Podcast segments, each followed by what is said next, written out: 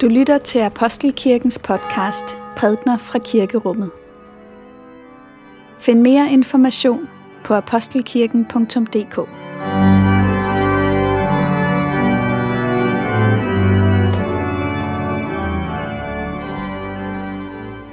God eftermiddag.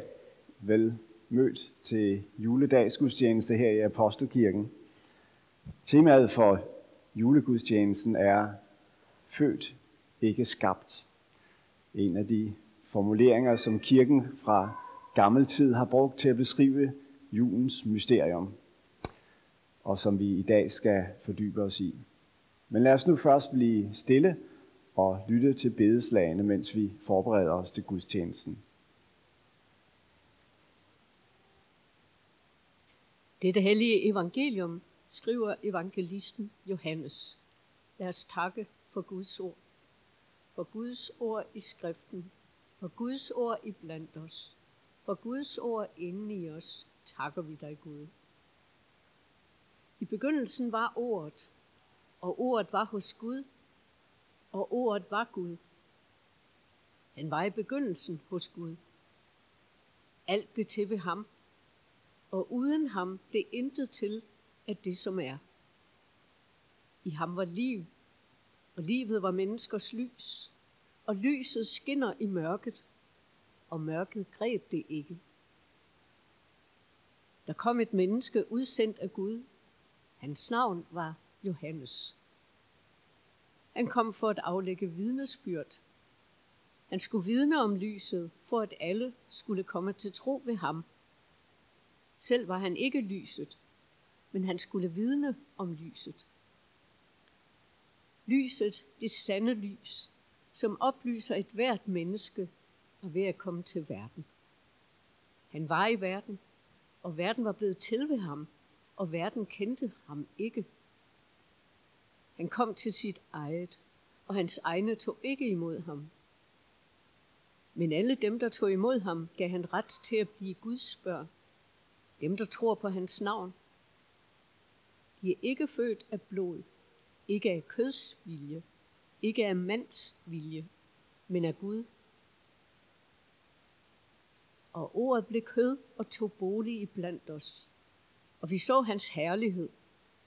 En herlighed, som den enborne har den fra faderen, fuld af nåde og sandhed. Amen. Lad os bede. Må min munds ord og vores hjerters tanker være dig til behag, Gud. Amen. Så det vi skal samle vores tanker om på denne juledag, det er altså budskabet om, at Jesus er blevet født. At vores julefejring altså i en forstand er en, en fødselsdagsfest. Og betydningen af, at det er en fødsel, vi fejrer. Vi er ganske vist ikke helt sikre på datoen. Det er sådan lidt gætværk og traditioner, der har fået det til at blive den 24. eller 25. december. Men det er heller ikke det, der er pointen. Pointen er ikke, hvornår han blev født, men selve det, at Jesus Kristus blev født. Her til morgen, i min øh, stille stund derhjemme, hvor jeg bruger en, en, en lille app på min telefon, der hedder Pray As You Go. Der fik jeg en lille øvelse, nemlig at jeg skulle forestille mig, hvordan det var, var at være på barselsbesøg i stallen. Altså, der er sikkert flere af os, der, der har prøvet at komme på barselsbesøg. Når nogen har fået en lille, og man så kommer og siger tillykke og så videre. Så for, prøv at forestille dig, at du er på barselsbesøg i stallen. Ikke? Der ligger dette lille stykke menneske. Og Maria rækker det til dig, og du sidder med det i hånden. Du mærker tyngden. Du mærker duften af baby. Du hører det. Sådan var det. Så, så virkelig, så, så, så sansbart var det lille barn, som blev født julenat. En fødsel, det er noget underfuldt noget. På den ene side set er fødslen jo en ny begyndelse. Det menneske, der kommer til verden, er nyt. Og en ny historie begynder med fødslen. Men samtidig er de hænder, der tager imod det lille barn, ikke nye. Og den verden, som bliver barnets omverden, bærer på en lang historie. Og det, som sker, når et menneske kommer til verden, det er jo, at den her nye historie, den går ind i den gamle, store historie. Sådan er en fødsel på en gang noget nyt, uspoleret, som indfinder sig, men samtidig noget, som øh, er en del af en stor, øh, gammel historie. Jeg husker den første, eller en af de første tanker, jeg fik, da jeg så min søn, der netop var blevet født, det var tanken om, måske det lille menneskebarn, jeg nu ser foran mig, vil være det sidste menneske, jeg ser, når jeg engang skal tage herfra. Sådan er fødslen en begivenhed, der, der åbenbarer noget om, hvad det vil sige at være øh, mennesker, være menneske. Hvis vi nu ser det i den store sammenhæng med Bibelens historie om Gud og mennesket, ja, så er der jo ligesom to fikspunkter i den historie. Vi taler om den første Adam og den anden Adam. Den første Adam, det er det første menneske på jorden. Og sådan som øh, han beskrives i Bibelen, så blev han skabt. Og det vil sige, at, at der var ikke nogen forudgående historie. Det var ikke sådan, at Adam han øh, øh, trådte ind i en verden, der så at sige allerede bar på en lang historie. Nej, historien begyndte med ham. Han blev skabt ud af ingenting. Han blev ikke til ud af en mand og en kvindes forening. Så det var den første Adam, men den anden Adam er det anderledes med. Om ham læser vi, at han blev født. Altså, at han indgik i en allerede eksisterende historie. At han tog historien på sig. At han kvalificerede, han ændrede den historie ved at øh, lade sig føde som menneske. I den øh, trosbekendelse, som vi sagde i dag, som kaldes den nikanske bekendelse, der, der lød ordene, som jo altså også er et tema for vores gudstjeneste i dag, da vi skulle bekende troen på Jesus Kristus, at han er født, ikke skabt. Der ligger en, en lang historie bag den formulering.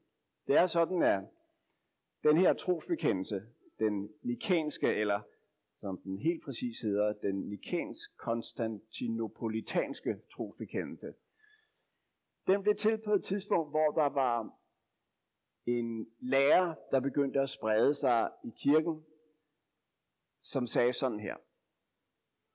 Det kan ikke passe, at Jesus er Gud. Det hænger ikke sammen. Gud kan ikke være to og en.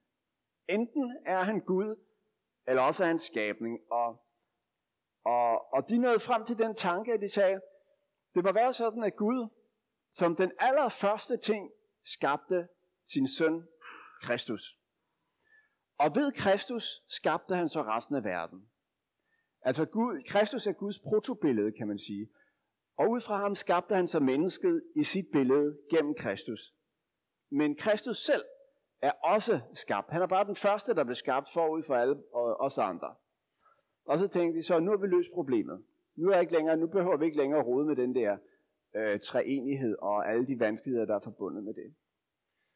Og det var en, øh, det var virkelig den forståelse af, af Jesus og hvem han var, som de her folk havde, arianerne øh, blev de kaldt, den svarer meget nøje til det, som Jehovas vidner bekender øh, øh, om Jesus Kristus.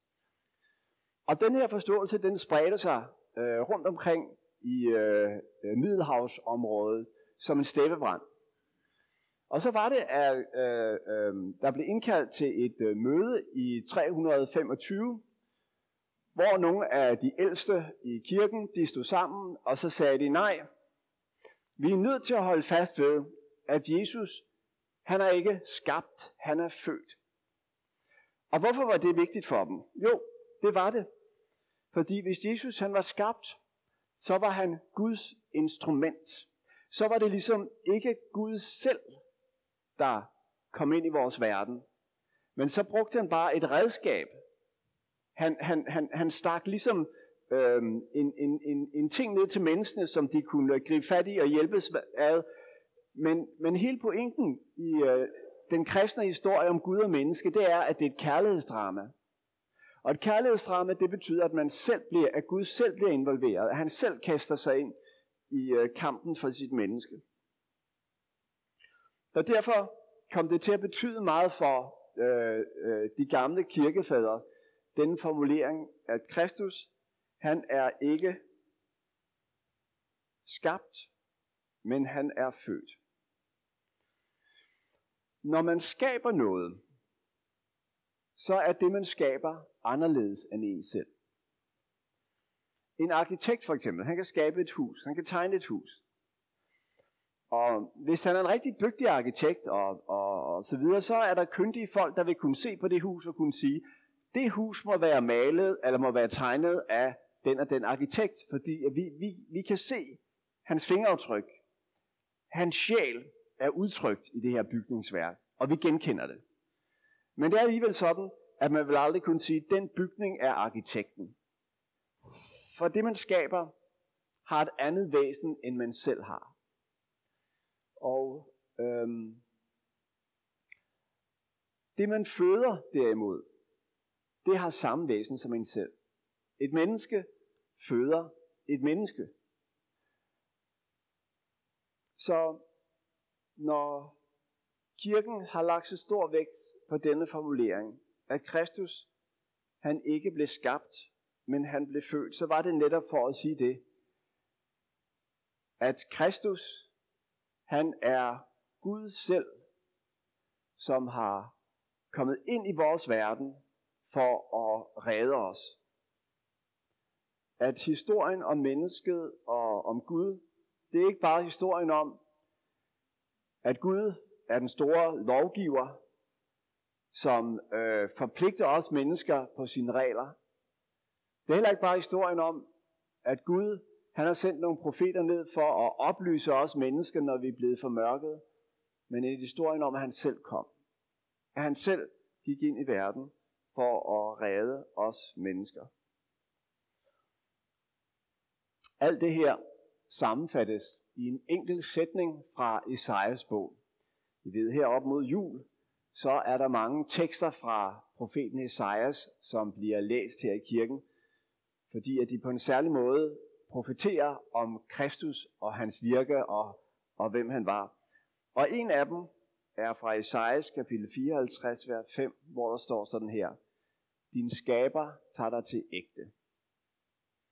Den her ganske korte sætning, den sammenfatter hele det store kærlighedsdrama mellem Gud og mennesket, som Bibelen fortæller om.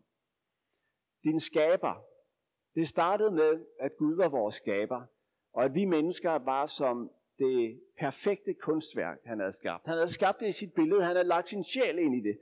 Et menneske, en udefrastående, vil kunne se, den bygning, den må være bygget af Herren selv, fordi at vi genkender trækkene, vi genkender hans, hans billede i mennesket. Men det var stadig en skabning. Det var ikke det havde ikke øh, del i, i Guds liv og i Guds væsen. Så sker der det, at mennesket bliver formørket, at det vender sig bort fra Gud. Og i stedet for, at Gud så siger, øh, det er lige meget, jeg lader mennesket gå sin vej, jeg glemmer alt om det, og nøjes bare med at være Gud.